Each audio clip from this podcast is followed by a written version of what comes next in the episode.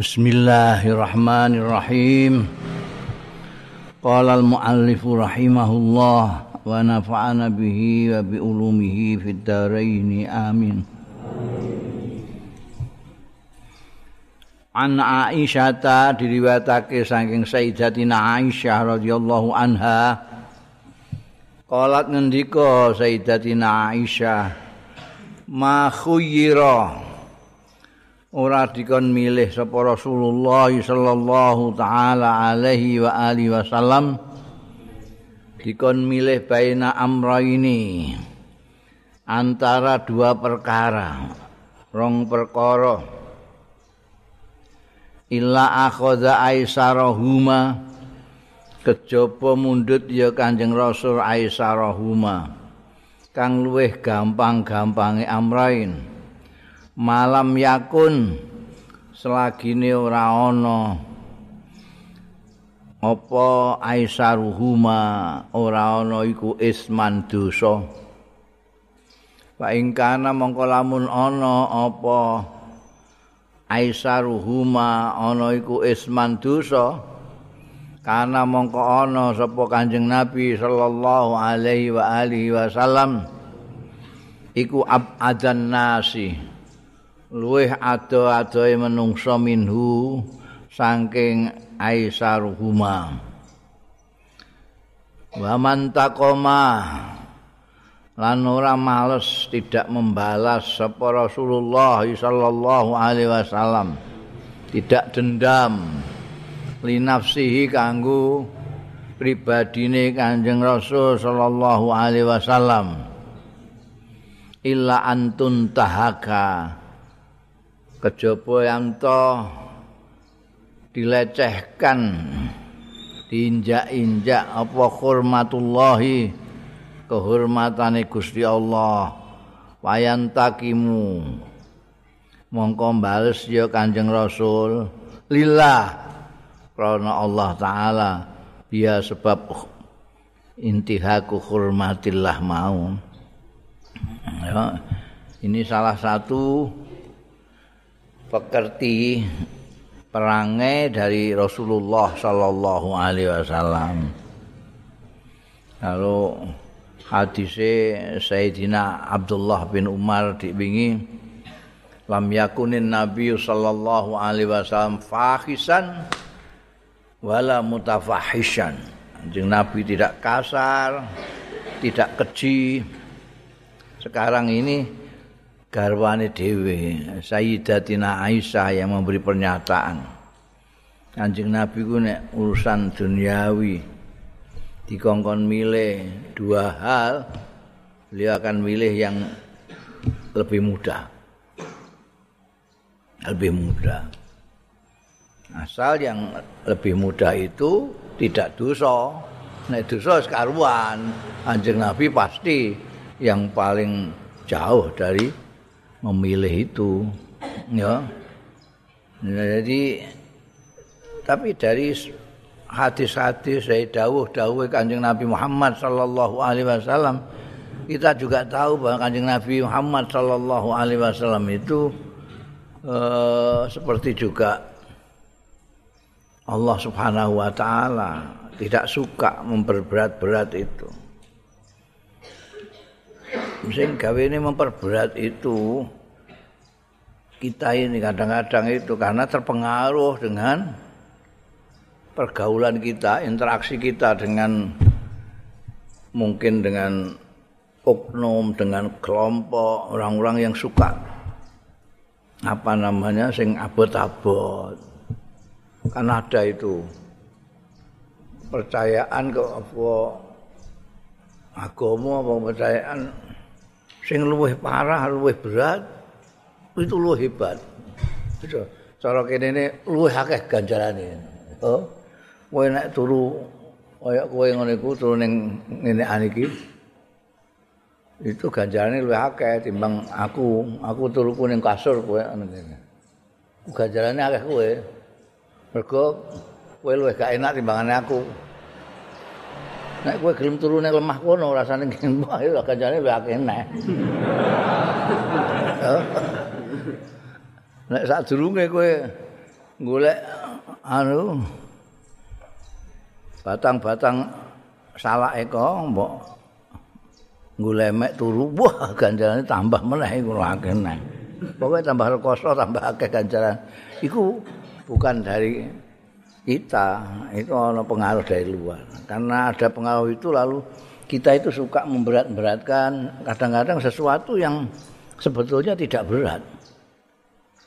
Gusti Allah dawuh berkali-kali di Al-Qur'an itu. Ada dawuh yuridullahu bikumul yusra.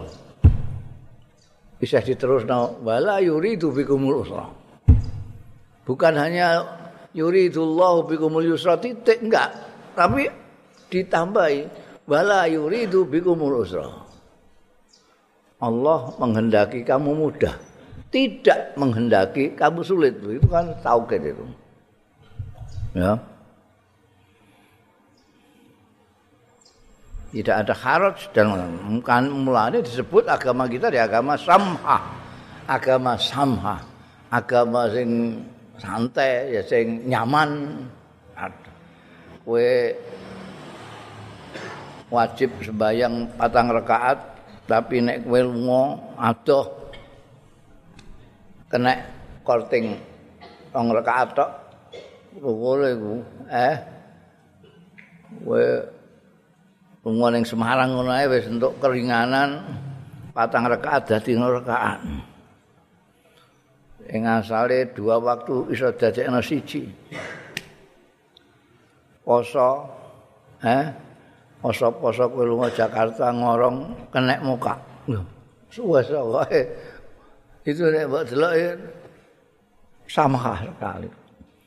Karena memang karakternya gitu. Kanjeng Nabi Muhammad Shallallahu Alaihi Wasallam sendiri seperti kesaksiannya garwane Sayyidatina Aisyah. Kalau disuruh milih dua hal, Kanjeng Nabi pasti memilih yang lebih ringan. Asal tidak dosa, es dosa karuan. Ki enake piye mlaku apa nyepeda? Enteng enteng dikira-kira mlaku mbek. Eh? Sepeda. Enteng sepeda. Iku ora ndek sepeda, nek duwe sepeda. nek gak duwe sepeda apa iku dadak tuku barang. tuku nyewa barang apa anggur mlaku. ya ya seperti itulah, eh. Umpak mobil, mak apa mlaku. Wong saiki kan gak. Ya kepengin iku mau rekoso. Rumah aku iku Hmm. Biyen niku Allah yarham istriku gawene anu ndukani iku. Musafir-musafir gaene kan akeh tamu. Ae pundi? Kula sange anu Jawa Timur asing pundi? Badhe tenggene Jawa Barat. Anu apa? Ade anu ngene Sunan Gunung Jati. Nah, kan. Nutih napa melampah? Engko nang Cirebon melampah. Jadi itu puji. Ajeng tegene Bangkalan. Tegene Mbah Khalil Bangkalan. Numpak napa melampah? Ajeng napa keperluane sampean teng kene Bangkalan? Nggih niku. Niki ati kok sumpek weteng mawon kepengin padang atine. Wah sampean kepengin padang ati nek malah teng kuburan. Malah dedet wetenge. Amin gak ada bojo amin gak ada. Anak gak ada gak ada la ilaha illallah. Sampai nek kepengin padang, sampean nunggoni anak bojo sampean. sampai ngluyur dhewean ning kuburan ya tambah peteng dedet sampean. Golek rekoso ngene ku akeh. Ya mesti gak nganggo mesti gak nganggo pedoman, mesti gak nganggo ajarane sapa ngono mesti gak. Ya sekarang ane dhewe mesti. Iku mau kepengaruh iku mau. Mancen ono kepercayaan sing tambah berat tambah apik iku ono. Kanjeng Nabi gak. Nek angger gak dosa, kon milih mesti milih sing enteng. Oh, enteng. Ya, numpak apa mlaku? Numpak.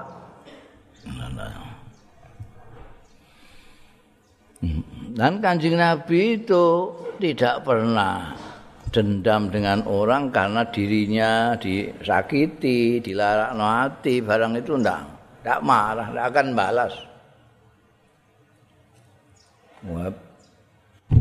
Itu kan kisah-kisah banyak sekali bagaimana kanjeng Nabi disakiti secara fisik maupun secara eh, apa jenenge di hati ini.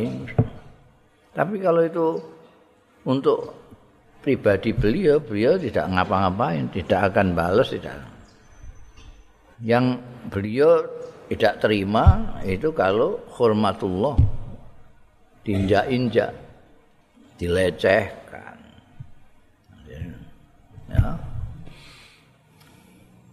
Itu pun Kanjeng Nabi kalau marah, Kanjeng Nabi kalau membalas itu lillah. Ini yang arang-arang bisa ditiru orang-orang yang kepinginnya gayane ngono nek diarani muni wah ini anatun tahak hormatullah ini melecehkan menistakan agama tapi lillah apa enggak sebab kalau kita lihat mereka itu yang mereka anggap menistakan itu yang berseberangan secara politis. Nek sing oh, balane dhewe ora ana Itu nuduhno nek itu gak lillah. Nek lillah itu siapa pun yang menistakan ya dilawan lillah. Iku ketara kok potongane wong meskipun niat itu di dalam hati kelakuane wong iso ditandai. dia ngaku-ngaku kaya Kanjeng Nabi. Angel Kanjeng Nabi itu apa-apa no pisau di apa-apa no dilarak no hati santai saja nek membalas mergo hormatullah di lecehkan itu pun karena Allah itu kanjeng Nabi al khairu kullu fitibai Rasul sallallahu alaihi wasallam. Jadi nek sing apik dhewe nek awake dhewe ya nirune Kanjeng Nabi. Kowe wis ngerti saiki Kanjeng Nabi ora kasar. Ora keji. Kanjeng Nabi itu nek kon milih sing pilih sing gampang. Iki rada cocok kowe ya. sing ila akhadha aisar rumah kan kowe paling cocok ya. Golek sing golek sing enteng-enteng sing ora dosa. Hmm. Heeh. anak Abi Saidin kaya liwetan bareng kancane golek sing enteng ngono. Sing masak ngono sing blonjo ngono. Aku aku tak njiko ijian dalile mergo milih Aisar Huma. Wah iku jenenge apa melecehkan dalil itu An Abi Sa'idin Al-Khudri yaiku biyen ana ya. Ya ngono iku bareng rombongan bareng ya. Wayahe mangan terus ana sing dibagi aku aku bagian golek kayu. Ngurup-urup aku sing mususi beras. Aku tak sing anu daging, aku tak sing masak. Eh. Lah iki ana siji sing ora lapo-lapo ya. aku kok gak untuk bagian dhewe yo. Ya wis aku tak melok mangan ae.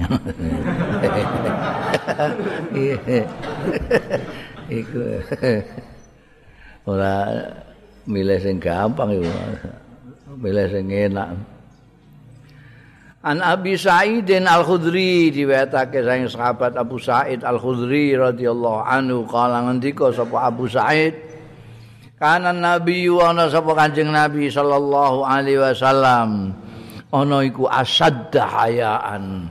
Luwih nemen apane khayaan isinan isinane isin minal azra'i tinimbang perawan fi khizriha ing dalem pingitane. Khizriha ing dalem.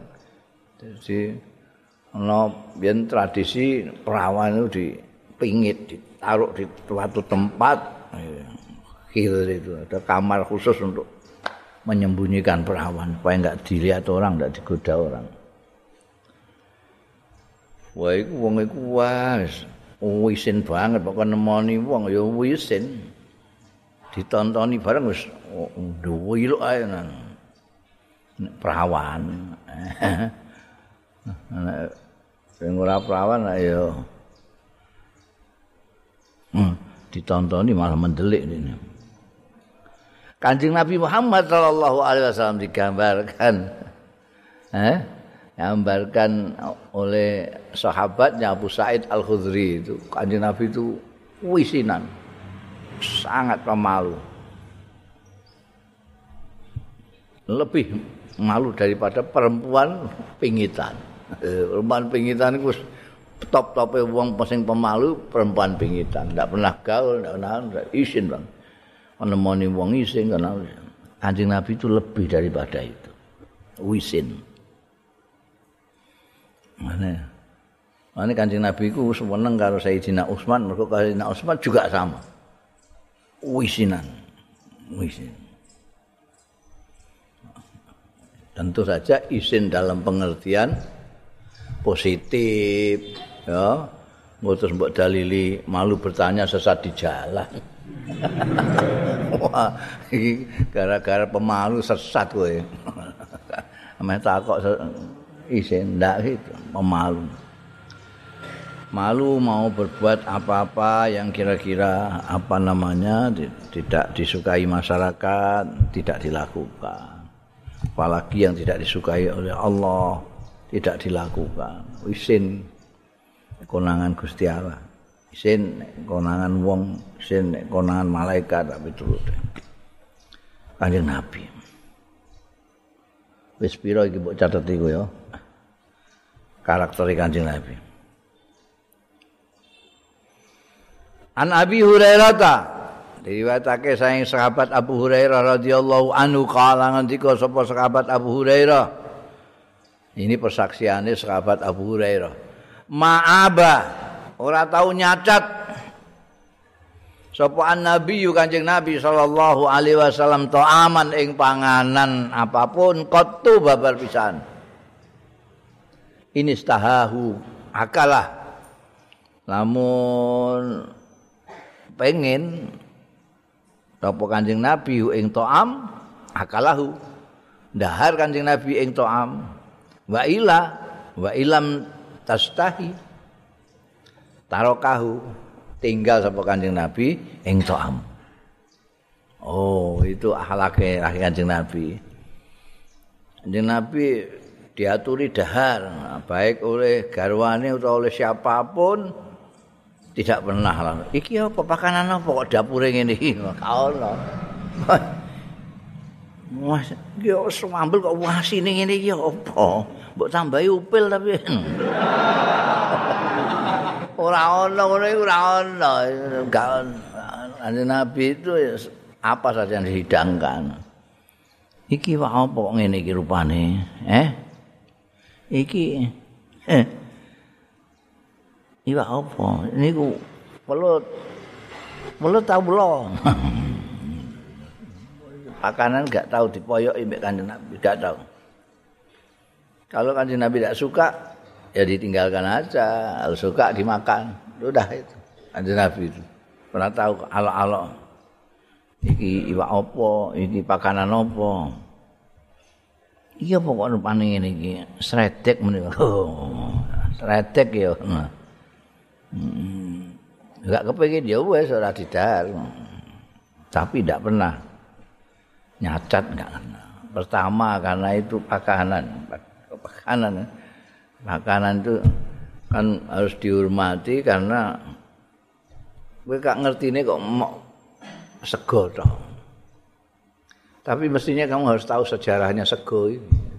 Sampai ke piringmu itu ini melalui perjuangan yang luar biasa, biasa itu. Keringatnya petani ketika menanam padi. Keringatnya orang yang apa numbuk atau saiki apa ngedos pari. Orang yang mususi pak apa beras. Iku ana sing ngenekno barang beras itu. Ana sing mususi nek wis di antai dipususi pususi ceh diliwet diliwet iku nek gak ngerti teknike nek ora mentah nglenis gosong. Dan ngantek iso pas itu kan ya suatu keahlian tersendiri. Kowe karek mau mangan bloko-bloko. Eh mangan di poyok iki sego ngene iki apa ya mblenyek kabeh. Lah kowe ra gelem ngliwet dhewe, ngliwet diliwet lo mblenyek mbok apa ya. Apa saja yang kamu makan itu sebetulnya paringan Gusti Allah yang diproses melalui perjuangan yang tidak pendek, panjang. Karena itu dihormati. Sampai kanjeng Nabi gak tahu di poyoki gak tahu. Hmm, iki roti apa ngene rupane iki? Ganjel ril menika poyoki ana sing senengane moyoki tapi ya dipangan. Iku iku waliane Kanjeng Nabi. Kanjeng Nabi gak suka ya gak ditinggal gitu aja. Nek suka dimakan. Kowe kan gak gak suka tapi dimakan. Dipoyoki dipangan. Iki panganan kok ngene to panganan kok ngene entek. Kacau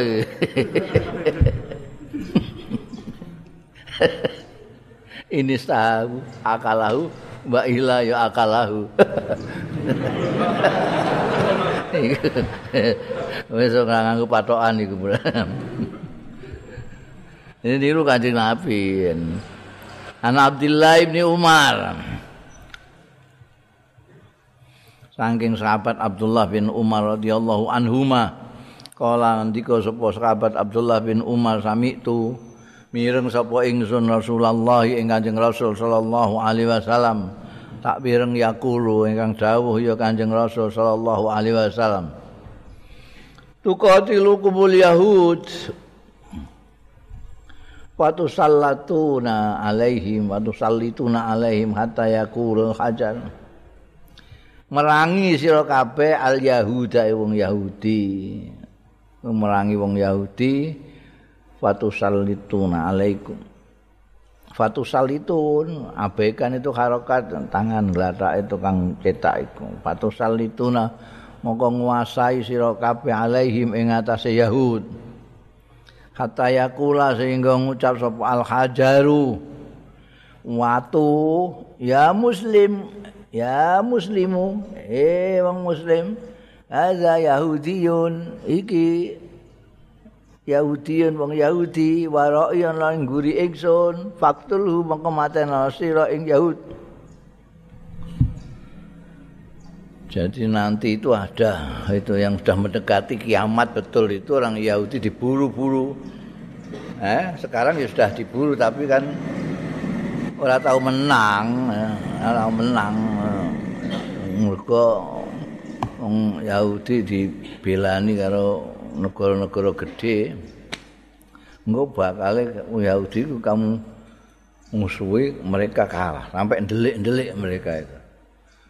Sampai ndelik-ndelik ning gurine apa ngamping-ngamping watu watu nih ngandani kowe. Iki lho ning guriku ana Yahudi. Nek bapak ini ada ini. Ku nanti hari kiamat. Yahudi belayu itu karena sekarang kan nggak nggak ada yang bisa menguasai orang Yahudi. Karena di Amerika itu orang Yahudi hmm, punya saham besar terhadap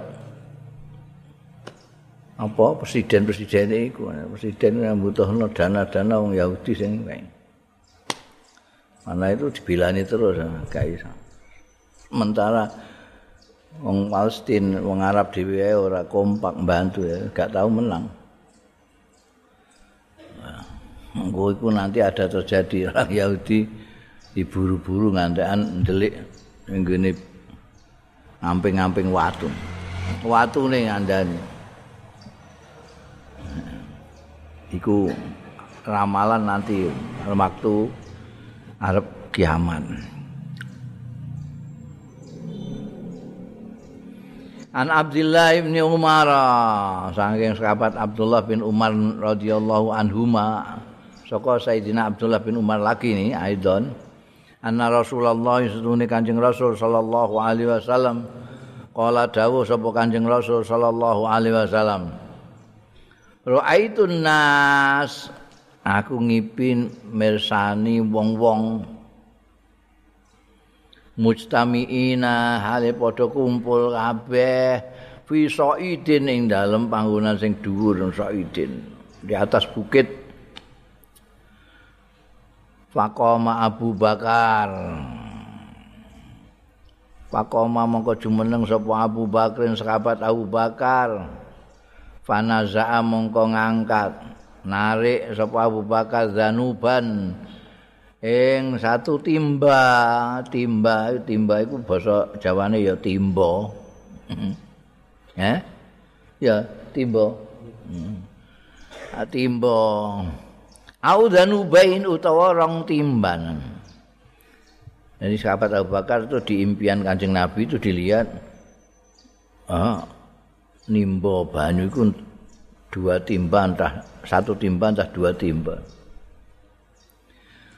Wa fi ba'di naz'ihi lan iku ing dalem narike sahabat Abu Bakar dhafun utai lemah tidak but but but but gitu enggak pelan pelan. Nimbo iku ana sing bet bet bet ana sing pelan pelan. Pokoke untuk satu dua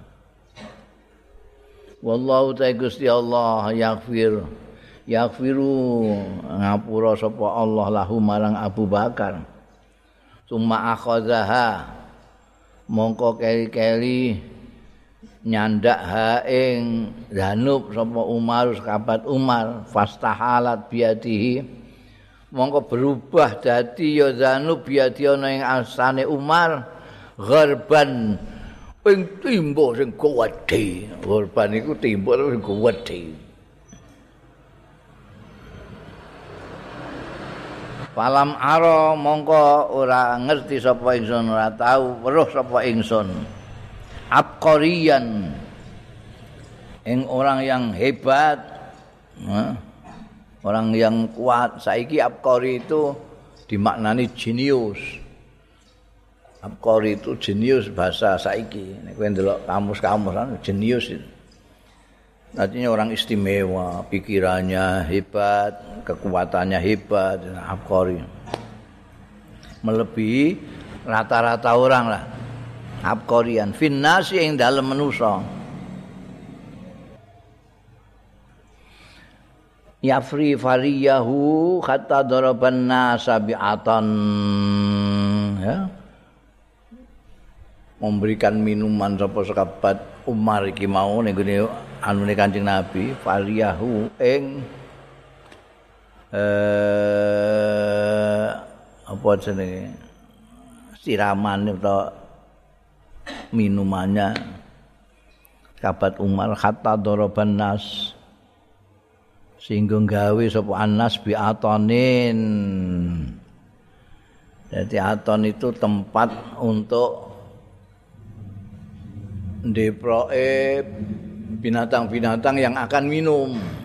Karena minuman banyak yang dibawa oleh Sayyidina Umar tadi pakai bukan hanya pakai zanub tapi pakai gorban. Oh itu buahnya melimpah-limpah sampai orang terus bikin aton di situ. Bikin apa namanya tempat kayak terminal untuk minum-minum gitu. Tempat untuk minum-minumnya binatang-binatang aton.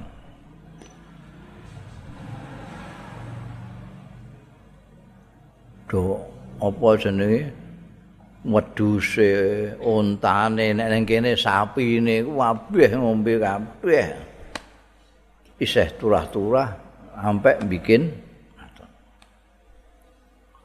ini mukjizat Kanjeng Nabi ramalane Kanjeng Nabi Muhammad sallallahu alaihi wasallam yang melalui impian beliau. Beliau sudah meramalkan nanti setelah Kanjeng Rasul sallallahu alaihi wasallam akan digantikan oleh sahabat Abu Bakar sebentar morong tahun. Dan itu pun tidak sampai apa namanya kuat sekali ndak ya karena sahabat Abu Bakar ketika menjadi khalifah menggantikan kanjeng Rasul sallallahu khalifatul Rasul sallallahu alaihi wasallam itu tidak sempat melakukan apa-apa karena konsentrasi kepada memerangi orang-orang murtad. Jadi ketika kanjeng Nabi kapundut, itu terus ada yang murtad banyak. Murtadnya tidak tidak kok pindah agama enggak enggak. Mereka enggak mau bayar zakat. Sembayang aja gelem tak bayar mohon. Jadi bangsa gitulah. Wah itu antean bukan hanya satu dua, satu apa satu wilayah sampai ono nabi nabi-nabinan barang itu zaman sahabat Abu Bakar. Tapi begitu digantikan oleh sahabat Umar bin Khattab, Islam itu merambah kemana-mana. Sampai Syam, sampai Irak, sampai wah, mana-mana. Di zaman sahabat Umar itu dahsyat sekali. Di kayak Palestina, Syria, Baghdad, sampai ke Muitan-ngitan ini. Sekarang Iran barang itu. Zaman sahabat umum. Mulanya ketika apa orang Amerika sehingga sehingga buku 100 orang paling berpengaruh di dunia itu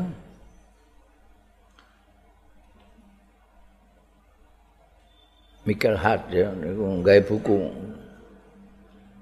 secara objektif dia milih dari jutaan tokoh sampai ribuan sampai tinggal seratus ratusan sampai seratus orang yang paling berpengaruh di dunia. Nomor siji Kanjeng Nabi Muhammad sallallahu alaihi wasallam. Habis itu tidak ada tokoh-tokoh Islam lain kecuali Sayyidina Umar di nomor 35. 35. nomor dua itu Einstein apa ya, apa siapa? Yang menemukan ilmu pengetahuan itu. Sahabat Umar masuk. Karena memang pengaruhnya besar sekali. Bukan hanya pengaruh di dunia Islam tapi di luar dunia Islam juga berpengaruh. Beliau mungkin bisa disebut bapak demokrasi karena luar biasa. Sahabat Umar di dalam memimpin negara itu Masya Allah. Tidak ada seperti sahabat Umar dan beliau bisa begitu karena beliau itu tegas. Kalau ini yang benar harus ditegakkan siapa pun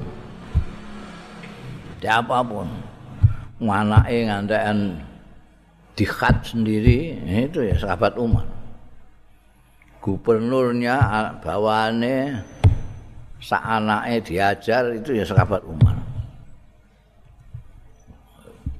luar biasa. Keadilannya dan Mulane terus dienggo umbang lambe meskipun bukan orang Islam selalu nukil-nukil kuat-kuatnya Sayyidina Umar bin Khattab yang menunjukkan betapa beliau itu sangat adil di dalam memimpin. Nah itu digambarkan saat dulu digambarkan kanjeng Nabi melalui mimpi. Nanti itu kekuatan pada zaman Abu Bakar juga bertambah. Ada wilayah-wilayah yang bisa menjadi wilayah umat Islam pada zamannya sahabat Abu Bakar, tapi tidak terlalu banyak karena memang masa kepemimpinannya juga tidak lama. Berbeda dengan sahabat Umar. Mas Umar disebut Abqori. Jenius betul. Pertama kali ada administrasi yang baik itu sahabat Umar. Tentara didata jumlahnya sekian, komandannya sekian, nanti dapat bagian sekian. Itu Sayyidina Umar.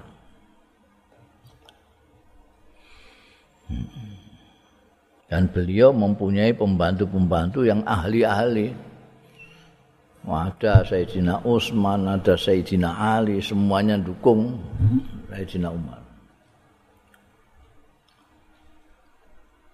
Bunda anak Imran bin Husain radhiyallahu anhuma. Imran itu sahabat, Husain juga sahabat. Makanya radhiyallahu anhuma. Yaqulu ngendika sapa Imran, Kala dawuh sapa Rasulullah sallallahu alaihi wa alihi wasallam. Khairu ummati qarni. Utai sak bagus-baguse umat ingsun iku qarni. kurun ingsun zaman ingsun abad ingsun. Sumal ladzina yalunahum mongko keri-keri wong-wong sing padha ngetut mbureni ngiring-ngiringi korni. Sumal ladzina mongko keri-keri wong sing padha mengikuti sing mengiringi allazina yalunahu ngarep mau. Summa inna ba'dakum mongko keri-keri setuhune. Sakwise sira kabeh. Inna ba'dakum setuhune iku wise sira kabeh kaum ana kaum. Ya syaduna sing padha nyekseni ya kaum padahal wala yustasyadu ora dikongkon nyekseni ya kaum. Wa yakhununa. An padha khianat ya kaum. Wala yuktamanun lan ora iso dipercaya. Ya kaum. Wa yanzuruna lan do nazar ya kaum. Wala yafuna. Lan ora nuhoni ora memenuhi ya kaum. Ing nazare wa yadharu lan ketok fihim ketara sekali fihim ing dalam kaum. Apa? Asimanu gendut. Lemu-lemu. Akan korupsi. Masya Allah, itu kan kita. Mulanya ora usah melete-melete kowe kurun dah kurun guri-guri kurun yang terbaik itu kurunnya Kanjeng Nabi. Masanya Kanjeng Nabi itu ya sekabat-sekabat itu. Sekabat itu yang paling baik. Wis ono wong sing paling baik ya zaman Kanjeng Nabi. Ada orang yang sabar contohnya ya zaman Kanjeng Nabi. Ada orang yang adil ya contohnya pada orang sahabat zaman Kanjeng Nabi. Ada orang tawadu contohnya ya ini kanjeng nabi. Kanjeng nabi lan urune kanjeng nabi. Lah pancen ditunggu ini kanjeng nabi. Ditunggu ini kanjeng nabi Muhammad Sallallahu Alaihi Wasallam. Jadi rata-rata semua sahabat-sahabat kanjeng Rasul Sallallahu Alaihi Wasallam itu kepingin kayak kanjeng nabi apa niru kanjeng nabi. Ana sing memang kekuatannya itu mampu karena karakternya memang mirip Kanjeng Nabi sak durunge. Kaya sahabat Abu Bakar itu kan. Orang yang karakternya berbeda seperti Sayyidina Umar saja dia bisa niru Kanjeng Nabi. Kekerasannya sahabat Umar itu dibawa kepada menegakkan keadilan menghargai hukum nek piturute membela yang lemah. Itu kurune kanjeng Nabi kabeh. Mulane kowe pengen golek contoh orang-orang baik boleh iya ini nggone zaman sahabat zaman kanjeng Nabi. Ono kabeh. Kepengin wong sugih sing dermawan ning kono ana Sayyidina Utsman. Ada penguasa yang adil sekali di sana ada sahabat Umar. Ada orang yang sangat lembut amat bijaksana memper karo Kanjeng Nabi ada sahabat Abu Bakar Siddiq ada orang yang ngalim sekali menguasai banyak ilmu Sayyidina Ali jadi contoh wakil orang yang ikhlas sekali ada contohnya kabeh ning ngene zamane kurune Kanjeng Rasul sallallahu alaihi wasallam. Bariku terus diikuti oleh tabi'in. Alladzina yalunahum. Tabi'in. Yang mulai dari Umar bin Abdul Aziz, ya. Umar bin Abdul Aziz, Al Hasan Al Basri, sing wedok Rabi'ah Adawiyah sampai turut itu itu kurun yang kedua. Nanti setelah itu tabi tabiin maladzina bariku terus enggak karu-karuan saiki wis tambah gak karuan kurun niku kurun itu setahun. Seratus tahun. Jadi nek seratus tahun itu sudah kurun ke berapa kita ini? 15 eh ke 15 jadi apa sing di ngendikane Kanjeng Nabi inna ba'dakum iku kauman. Eh? Ora ora ana sing njaluk saksi wah moro-moro nyekseni aku bersaksi saya. Dia itu memang orang hmm, sing ngongkon kowe dadi saksi kok sapa? ora ditakoki wah ngomong dhewe memberikan kesaksian ini ini ini ini jebule keliru. Nah, nah. khianat, khianat ke eh khianat mbek dulure, khianat mbek agamane. Nek senengane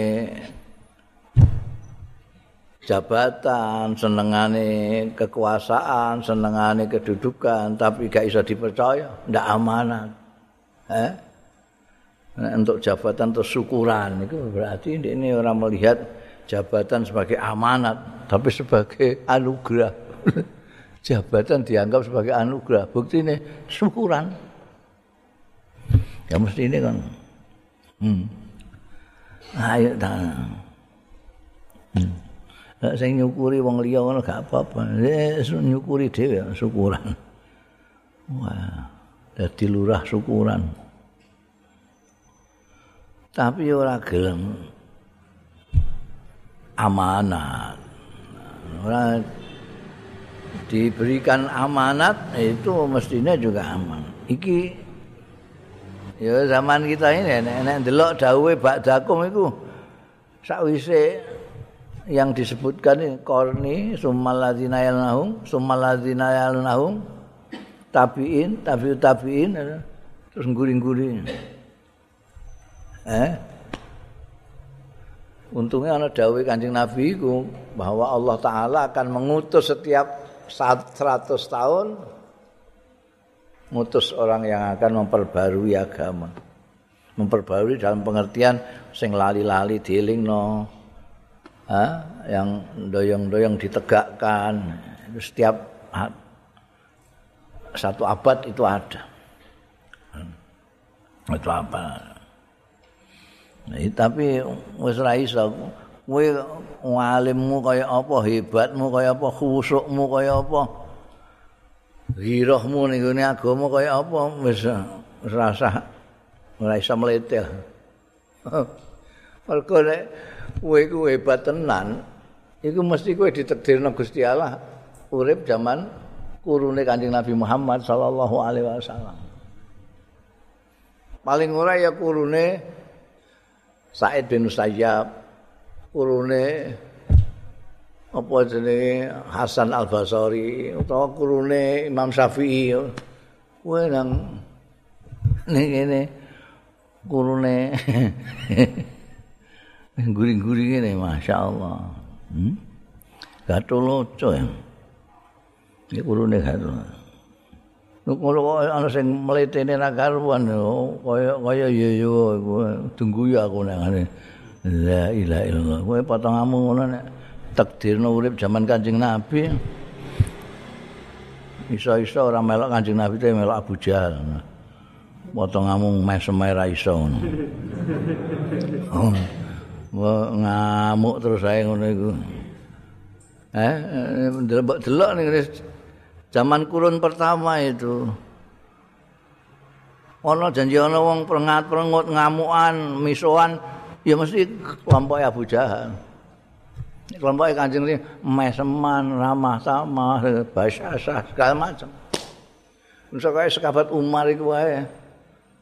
Iso lembut sampai orang. Padahal asalnya berang asalnya Masya Allah. Loh. gitu ya. Jadi kualitas semua. Tapi yo yo ngono iku nasib wis ngono iku. Khairu ummati qarni maladina maladina diapakno ya ditrompo ae. Ya disyukuri aja tantang petenteng disyukuri. Eh nisbate urip ning gone kurun sing paling akhir. Iku kurun sing paling akhir? Wong kiamat wis tahun 2012 winginane kae. Wis ngliwati kiamat. Kok isih diparingi Gusti Allah iman ning kan Gusti Allah. Melok Kanjeng Nabi Muhammad sallallahu disyukuri lah jadi ora sah melete. Alhamdulillah ora sah kok terus malah ngamuk-ngamuk ambek wong liyane bareng ora usah. Kaya yo yo iku lho kaya yo. Ini juga syukur jenenge. An Abi Sa'id Al-Khudri radhiyallahu anhu kala ngendika sapa Abu Sa'id Al-Khudri kala dawuh sapa An-Nabi Kanjeng Nabi sallallahu alaihi wasallam La tasubbu ashabi. Aja misuwi sira kabeh ashabi ing sahabat-sahabat ingsun. Kayak napa Kanjeng Nabi? Falau anna ahadakum. Mongko lamun setuhune salah siji kabeh amfaqo ninfaqno ahadukum misla uhudin. Sak gedene semisal gunung Uhud. Apane zahaban emas ana emas sak gunung Uhud mbok nafakahno mabalago iku ora iso tekan ora iso sampe mudda ahadihim ing sak mut wae mute salah sijine ashabi. Kok sak mut wala nasifahu ora separone mutnya ahadun mut sing ngemeh sing fitrah ngene kok sak pitran sak pitran mut sak pitran kowe gak aja ngantek misoi sahabat. Apapun, karena kamu tidak menangin sahabat, maka kamu tahu sahabat itu ya dari kanjeng Nabi Muhammad Sallallahu Alaihi Wasallam atau dari tabiin, eh, tabiin tabiin. Nah sekarang ini ada orang yang gara-gara persoalan politis, politik pada zamannya lalu terus mangkel karena mendukung Sayyidina Ali, mangkal kalau Sayyidina Muawiyah, terus misoi Muawiyah. Nah, Bu, abad Muawiyah itu juga penulisnya Kanjeng Nabi Muhammad sallallahu alaihi wasallam. Dia punya keistimewaan. Jadi on malah ono sing misoi Sayyidina Abu Bakar. Nauzubillah min dzalik. Misoi sahabat Abu Bakar, sahabat Umar. Hanya gara-gara persoalan politik yang dibawakan orang-orang yang sangat berlebih-lebihan di dalam mendukung. Ya padha saya kalau saiki politik itu memang ngono, medeni wong. Kowe nek berpolitik itu terus kadang-kadang berlebih-lebihan. Rumah samu partaimu itu mesti paling top, paling benar, paling hak. terus liyane iku jahanam kabeh ngono iku piye itu berakibat. Sekarang kan ono. Sing misoi sekabat Abu Bakar misoi sekabat Umar misoi Sayyidatnya Aisyah. Kenapa? Karena dulu Siti Aisyah itu pernah melok perang apa perang Jamal itu. Beliau naik unta merangi Sayyidina Ali. Karena apa namanya istihad politisnya beliau pada waktu Sayyidina Ali di di Biat menjadi penggantinya Sayyidina Utsman itu terjadi dua pendapat. Yang pertama itu Sayyidina Ali mapan ke dewi dhisik kedudukannya beliau pemerintahnya. Ono sing pertama kali harus dilakukan oleh Sayyidina Ali adalah memburu orang yang membunuh Sayyidina Utsman. Itu karena saya politis ya. Nah, Sayyidatina Aisyah termasuk mereka yang menghendaki mencari Sayyidina Utsman ini diselesaikan dulu siapa yang pemberontak-pemberontak yang membunuh Sayyidina Utsman harus cekel dulu. Jangan yang lain-lain. Sementara yang lain kayak Sayyidina Ali, aku tak mapan dhisik iki pemerintahan supaya jejeg sik baru nanti itu gampang cari itu. Wong sudah karuan ini munculnya pemberontak ini dari Mesir, orang-orangnya juga sudah ter Nah itu kadang-kadang itu terus menjadikan kene gedeng kono, kene gedeng kene. Dan itu tidak boleh. Kalau selama itu sahabat, tidak ikut campur. Mulane nek anune eh pikirane ahli sunnah wal jamaah apa yang terjadi bainal ashab naskutu kita diam. Tidak ikut campur bukan jangkauan kita potongane awake dhewe iku kurun sing paling elek kok arep membakas kono iku lha kita diam ndak usah ikut. Ndak usah mendukung Muawiyah ndak usah Sayyidina Ali itu urusan politis mereka yang tidak bisa menghilangkan kedudukan mereka sebagai sahabat sahabat Kanjeng Rasul sallallahu alaihi wasallam yang disebut khairu qarnin. Nyantek Kanjeng Nabi ngendika, kowe kok misoi sahabat itu. Kowe nginfakno sak gunung Uhud emas iku. Ndak iso membandingi sakmut apa sak pitrane atau setengah wae dari sahabat. Itu bayang loh itu. Ini sahabat Umar memberikan makanan sakmut. Emeh mbok tandingi karo kowe nginfakno sak gunung Uhud emas. Ora iso. Wong kowe ikhlas iku ora iso. Ya, seperti mereka tidak bisa. Wong sembahyang duha, ya kepengen rezeki ini lancar. Syukuran, bentuk tambahan. Anugerah, no, Iku awake dhewe ngakoni wae lah segala macam dihitung untung rugi kok. Ya, zaman sahabat kan enggak. Wis dawuh Kanjeng Nabi apa? Ya itu yang dilakukan. Ndak usah kaken perting sing pertanyaan ini ini apa sih? Maksudnya apa? Anunya apa? Enggak usah. Didawuh Kanjeng Nabi wis mangkat. Mana? Berarti ora sah gaya-gayaan apa meneh ngantek miso iso sahabat. Iso dadi jambu mente kowe. babu hubbul ansari wallahu a'lam